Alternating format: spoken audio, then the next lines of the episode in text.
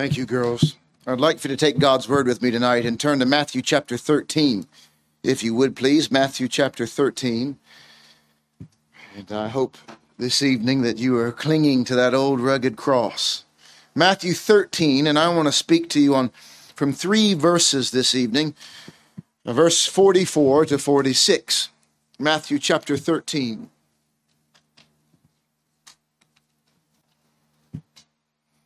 The Lord Jesus is explaining, this is one of those kingdom parables. He's explaining what the kingdom of heaven is like. Now, there are some here tonight, and perhaps some who are watching, who are still trying to figure this all out. And Christ, through a series of parables, is doing his best to explain what the kingdom of heaven is like unto. And we find in three verses, really two short parables, and a parable is simply an earthly story with a heavenly meaning. It's a short, practical, easy to understand little story with a deep application. We find that here in verse 44. Again, the kingdom of heaven, these are the words of Jesus. The kingdom of heaven is like unto treasure hid in a field, the which, when a man hath found, he hideth and for joy thereof goeth and selleth all that he hath and buyeth that field. Again, the kingdom of heaven is like unto a merchant man seeking goodly pearls, who when he hath found one pearl of great price, went and sold all that he had and bought it. We'll stop our reading there tonight and believe that God will bless the reading and the hearing of his word and there are really two primary interpretations of these two parables, two ways to look at this, these parables.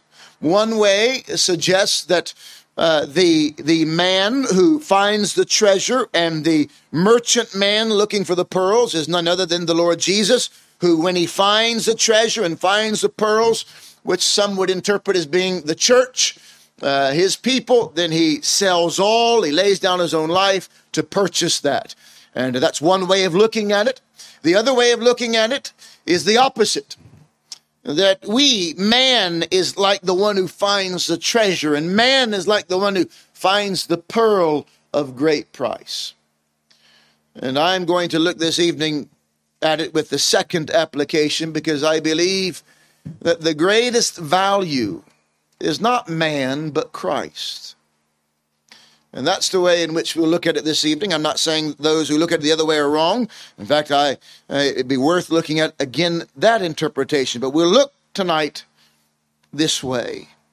Both stories speak about a man who have found, two men who have found something extremely valuable. Two men who have found something of great value. The first man has found treasure in a field, and it's of immeasurable value. The second man, who is a merchant man who is looking, finds a pearl, one pearl of great price. And both of these items are so immensely valuable that both men are led to sell everything and buy it. So let's talk for just a moment. What is it that these two men have found? Have you ever looked at somebody and you thought they have found something that I don't have? Have you ever seen somebody who seems to have found the secret to life or they found something that you don't have? And perhaps you think you look at them like we find in this two texts. These are some men who have laid hold on something. And I believe that this treasure in this portion of scripture speaks of our glorious Savior, the Lord Jesus Christ. This treasure hidden to the world is the sinless Son of God. This one pearl of great price is not like any other pearl. There's no other pearl like it in all the world. Speaks of our unique Savior, born of a virgin, sinless, spotless Lamb of God, miracle working Savior, the one who healed the blind and and uh, healed the deaf and spoke and and raised the dead this one, the one who spoke such truth that all the teachers of the world were caused to stop and say, Truly, never a man spoke like this man. the one who was crucified for our sins, in our place, in our behalf, the risen one. Never a man rose from the grave like Jesus Christ. There were men who were raised from the dead by the power of God, but never a man who conquered death himself like Jesus Christ. I was doing a little bit of a search and I found more than 340 names and titles for Jesus. 340 plus. And you begin to ask yourself, what makes this man, the Lord Jesus, so special? Why is he different than any other founder of a religion? Some people may ask. What makes him so unique? He is our Redeemer. And he has redeemed us with his own blood. Our wonderful Savior who laid down his own life that we might belong to him. He is the advocate. If you got yourself into trouble with God, and by the way, you have, just by merit of your nature and your actions, we've sinned against him and we're in trouble. But we have an advocate with the Father, the man Christ Jesus. He's called the only mediator between man and God. Do you know that? You don't have to go through me. You don't have to go through any other man, a priest, or, or any other title. You can go straight to God through his Son, the Lord Jesus Christ. Jesus himself said, I am the way. Somebody says, I'm just trying to find my way in life. Well, Jesus, like a like a big like a big signpost, says, Hello, I am the way. Somebody says, I, I just want to know the truth. Jesus said, No problem, I am the truth. He says, Boy, you might say there's got to be more to life than this. You're right. Jesus said, I am the life. In fact, he said, I'm the resurrection and the life. He offers life and offers it more abundantly. The Old Testament prophet Isaiah spoke about him being the wonderful counselor. He is wonderful. He is counselor. He is the Prince of Peace. He is the everlasting Father and the names of our Savior and the title of, titles of Jesus go on and on and on. And no wonder when you come to the very last book of the Bible, and we're allowed to peel back the pages of time and look into the future, we find in Revelation chapter 5 a most marvelous picture. Not just the future, but what's happening now, but especially what will happen in the days to come. In Revelation chapter 5, the Bible says, uh, the author John is writing under the inspiration of God's Spirit, and he says, I saw in the right hand of him that sat on the throne a book written within and on the backside, sealed with seven seals. And I saw a strong angel proclaiming with a loud voice, Who is worthy to open the book and to loose the seals thereof? Is there anyone of such worth and value is there anyone that is worthy to open this book, this scroll, these with these seals? And no man in heaven, nor in earth, neither under the earth was able to open the book. There was nobody worthy. No man, no woman, no child has ever been er- worthy. And so I wept. I wept much because no man was found worthy to open and read the book, neither to look thereon. And one of the elders saith unto me, Weep not. Behold, look, the lion of the tribe of Judah, the root of David, hath prevailed to open the book and to loose the seven seals thereof. And I beheld, and lo, in the midst of the throne, and of the four beasts, and in the midst of the elders stood a lamb, as it had been slain, having seven horns and seven eyes, which are the seven spirits of God sent forth unto all the earth. And he came and took the book out of the right hand of him that sat upon the throne. And when he had taken the book, the four beasts and the twenty elders fell down before the Lamb, having every one of them harps and golden vials full of odors, which are the prayers of the saints. And they sung a new song, saying, Thou art worthy to take the book and to open the seals thereof. For thou wast slain and hast redeemed us to God by thy blood out of every kindred and tongue and people and nation, and have made us unto God kings and priests, and we shall reign on the earth. And I beheld and heard the voice of many angels round about the throne, and the beasts and the elders, and the number of them was ten thousand times ten thousand and thousands of thousands, saying with a loud voice, Worthy is the Lamb that was slain. And perhaps you're wondering tonight, what is this treasure that is of such value and such worth? What is this treasure that if a man could lay hold on it would change the rest of their days? The worth of it so immense that if, if one could only find such a pearl of great price, it would forever change them. They'd never be the same again.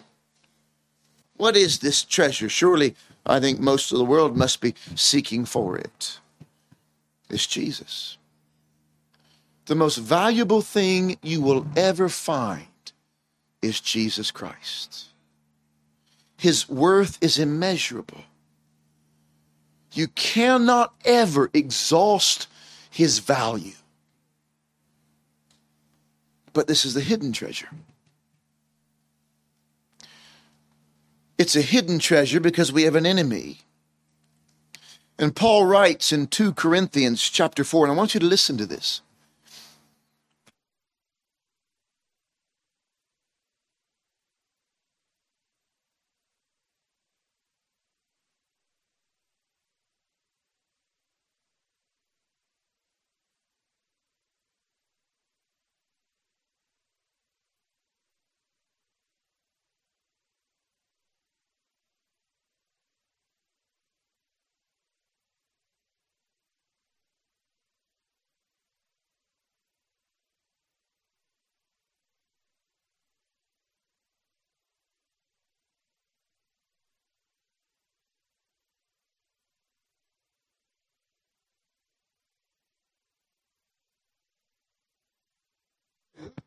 To recognize and find this glorious truth.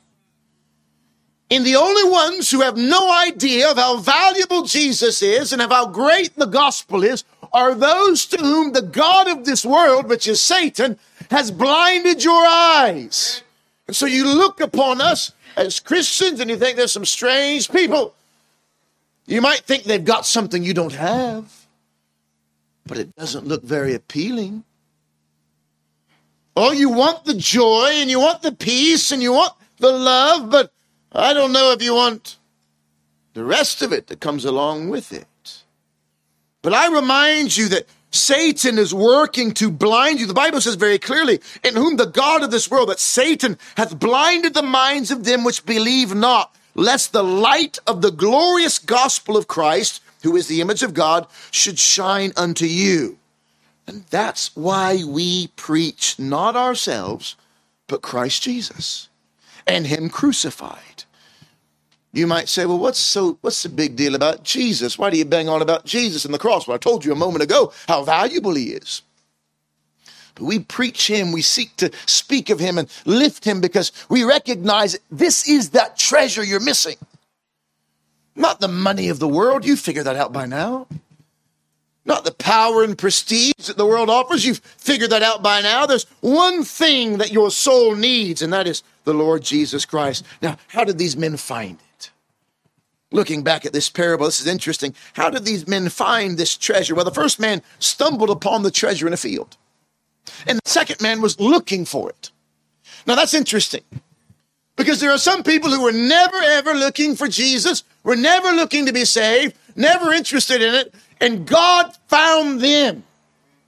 They were on their way to destruction one day after another, and the grace of Almighty God stepped in their way and opened their eyes.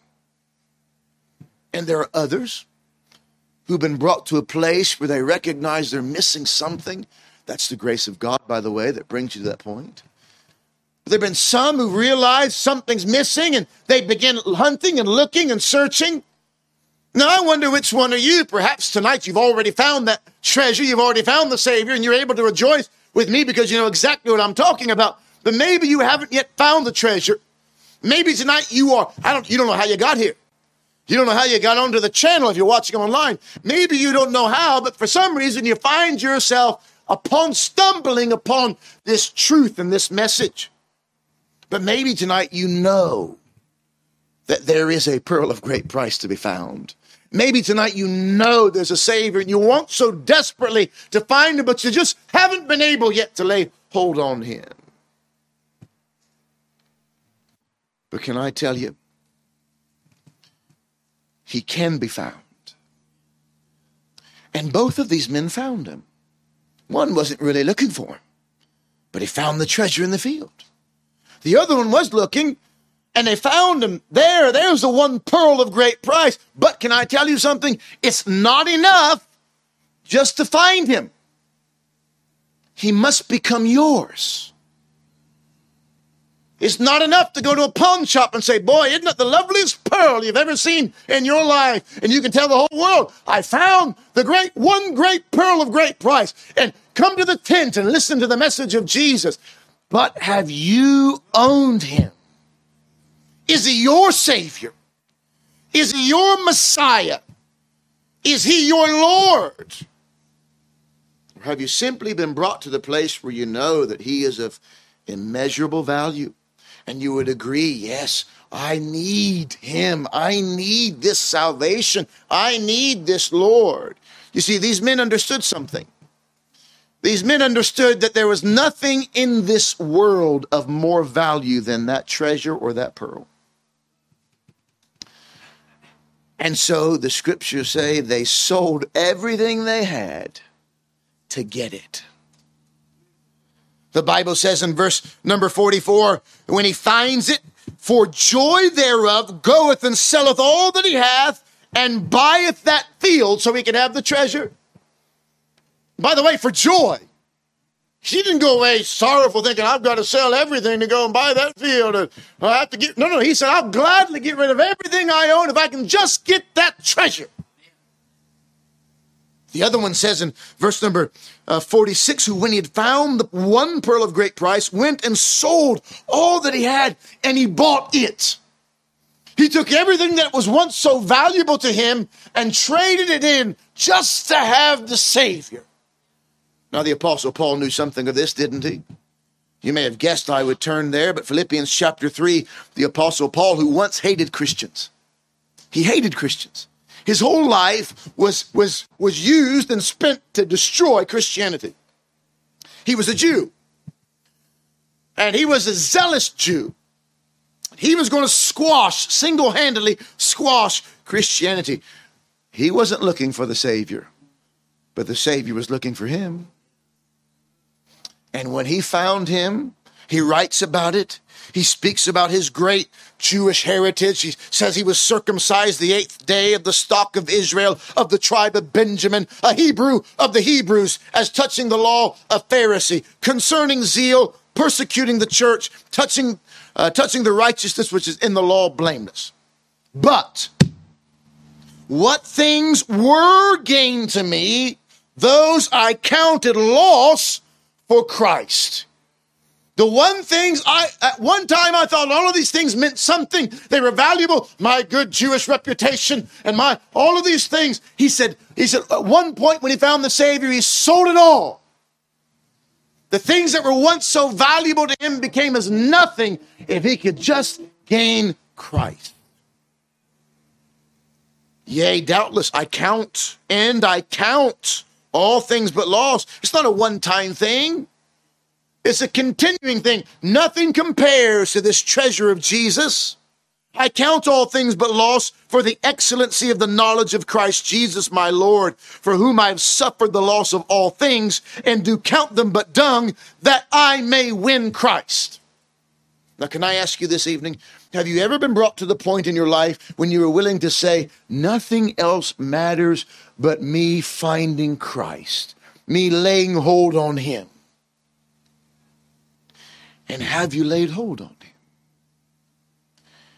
Isaiah, the old prophet, writes in his 55th chapter, and he says, Ho, come, everyone, listen, everyone that thirsteth, Come ye to the waters, and he that hath no money, come ye, buy and eat. Now, unless you think for a moment that you can give all of your money and buy Jesus, uh, the prophet makes it very clear. Come with no money and buy wine and milk without money and without price, because this is not about physically paying for Jesus. Because you can't buy him. In fact, he bought us.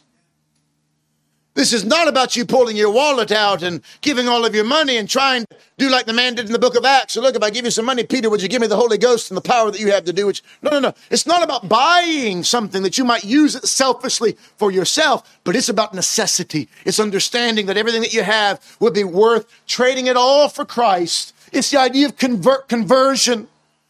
Giving your old life, if any man be in Christ, is a new creature. Behold, old things are passed away and all things have become new. I wonder tonight, have you, have you found him? Jesus said something interesting in Matthew chapter 4. He was walking by some fishermen. He found Peter and Andrew, and he said, Follow me, and I will make you fishers of men. The Bible says they straightway left their nets and followed him.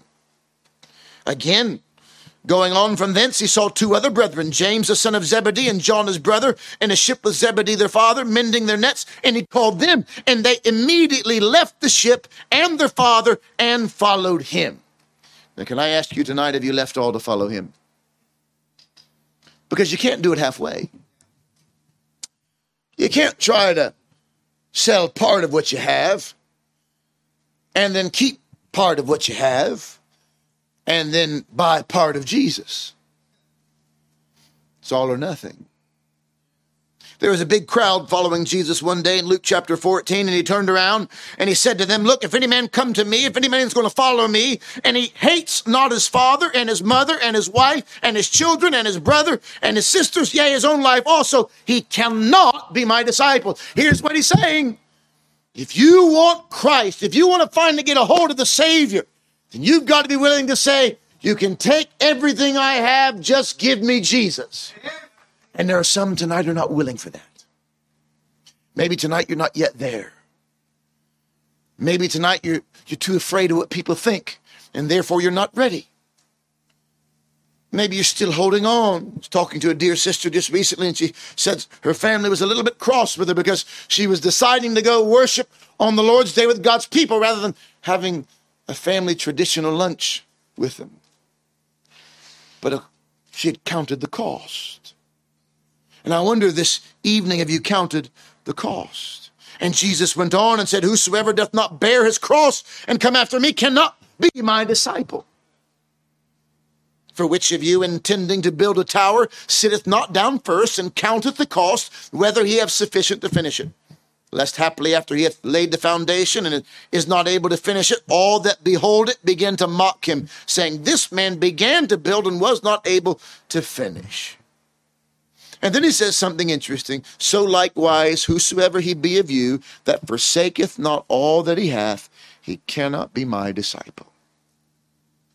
Can I ask you this evening? Have you been brought to the place where you realize nothing else matters? But finding Christ. Nothing else. Because I'm telling you, until you're brought there, you will be content. If you can take or leave him, you'll always leave him. If you can be that way, take it or leave it, then you'll always leave him.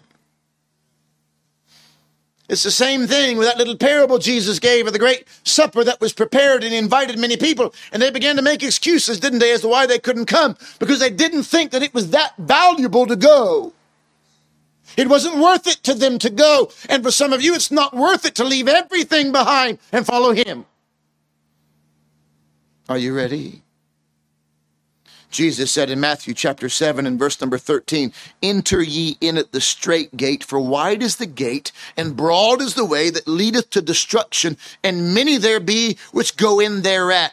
But because strait is the gate and narrow is the way which leadeth unto life, and few there be that find it. And let me tell you why so few find it. Because so few are willing to leave all behind to follow him. He said again in Luke chapter 13 and verse number 24 Strive to enter in at the strait gate. For many, I say unto you, will seek to enter in and shall not be able. Do you remember what the Savior said about a rich man?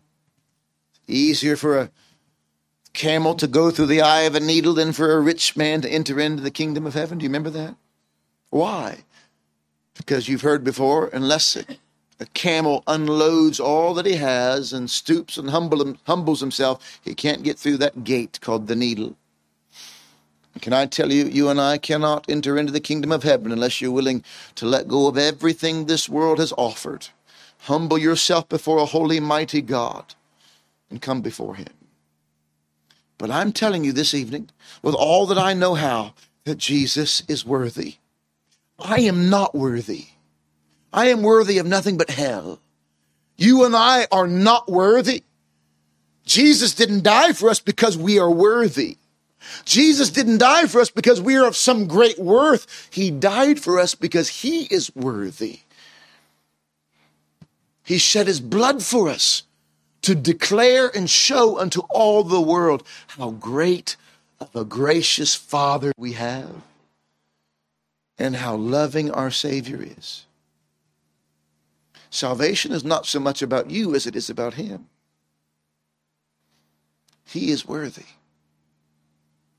I wonder this evening do you see how worthy He is? And if you have seen how worthy Jesus is, how valuable Christ is, then I wonder tonight have you been willing to come to Him? You can't come on your terms. You cannot come on your terms. You can't say, Well, Jesus, I'll come if.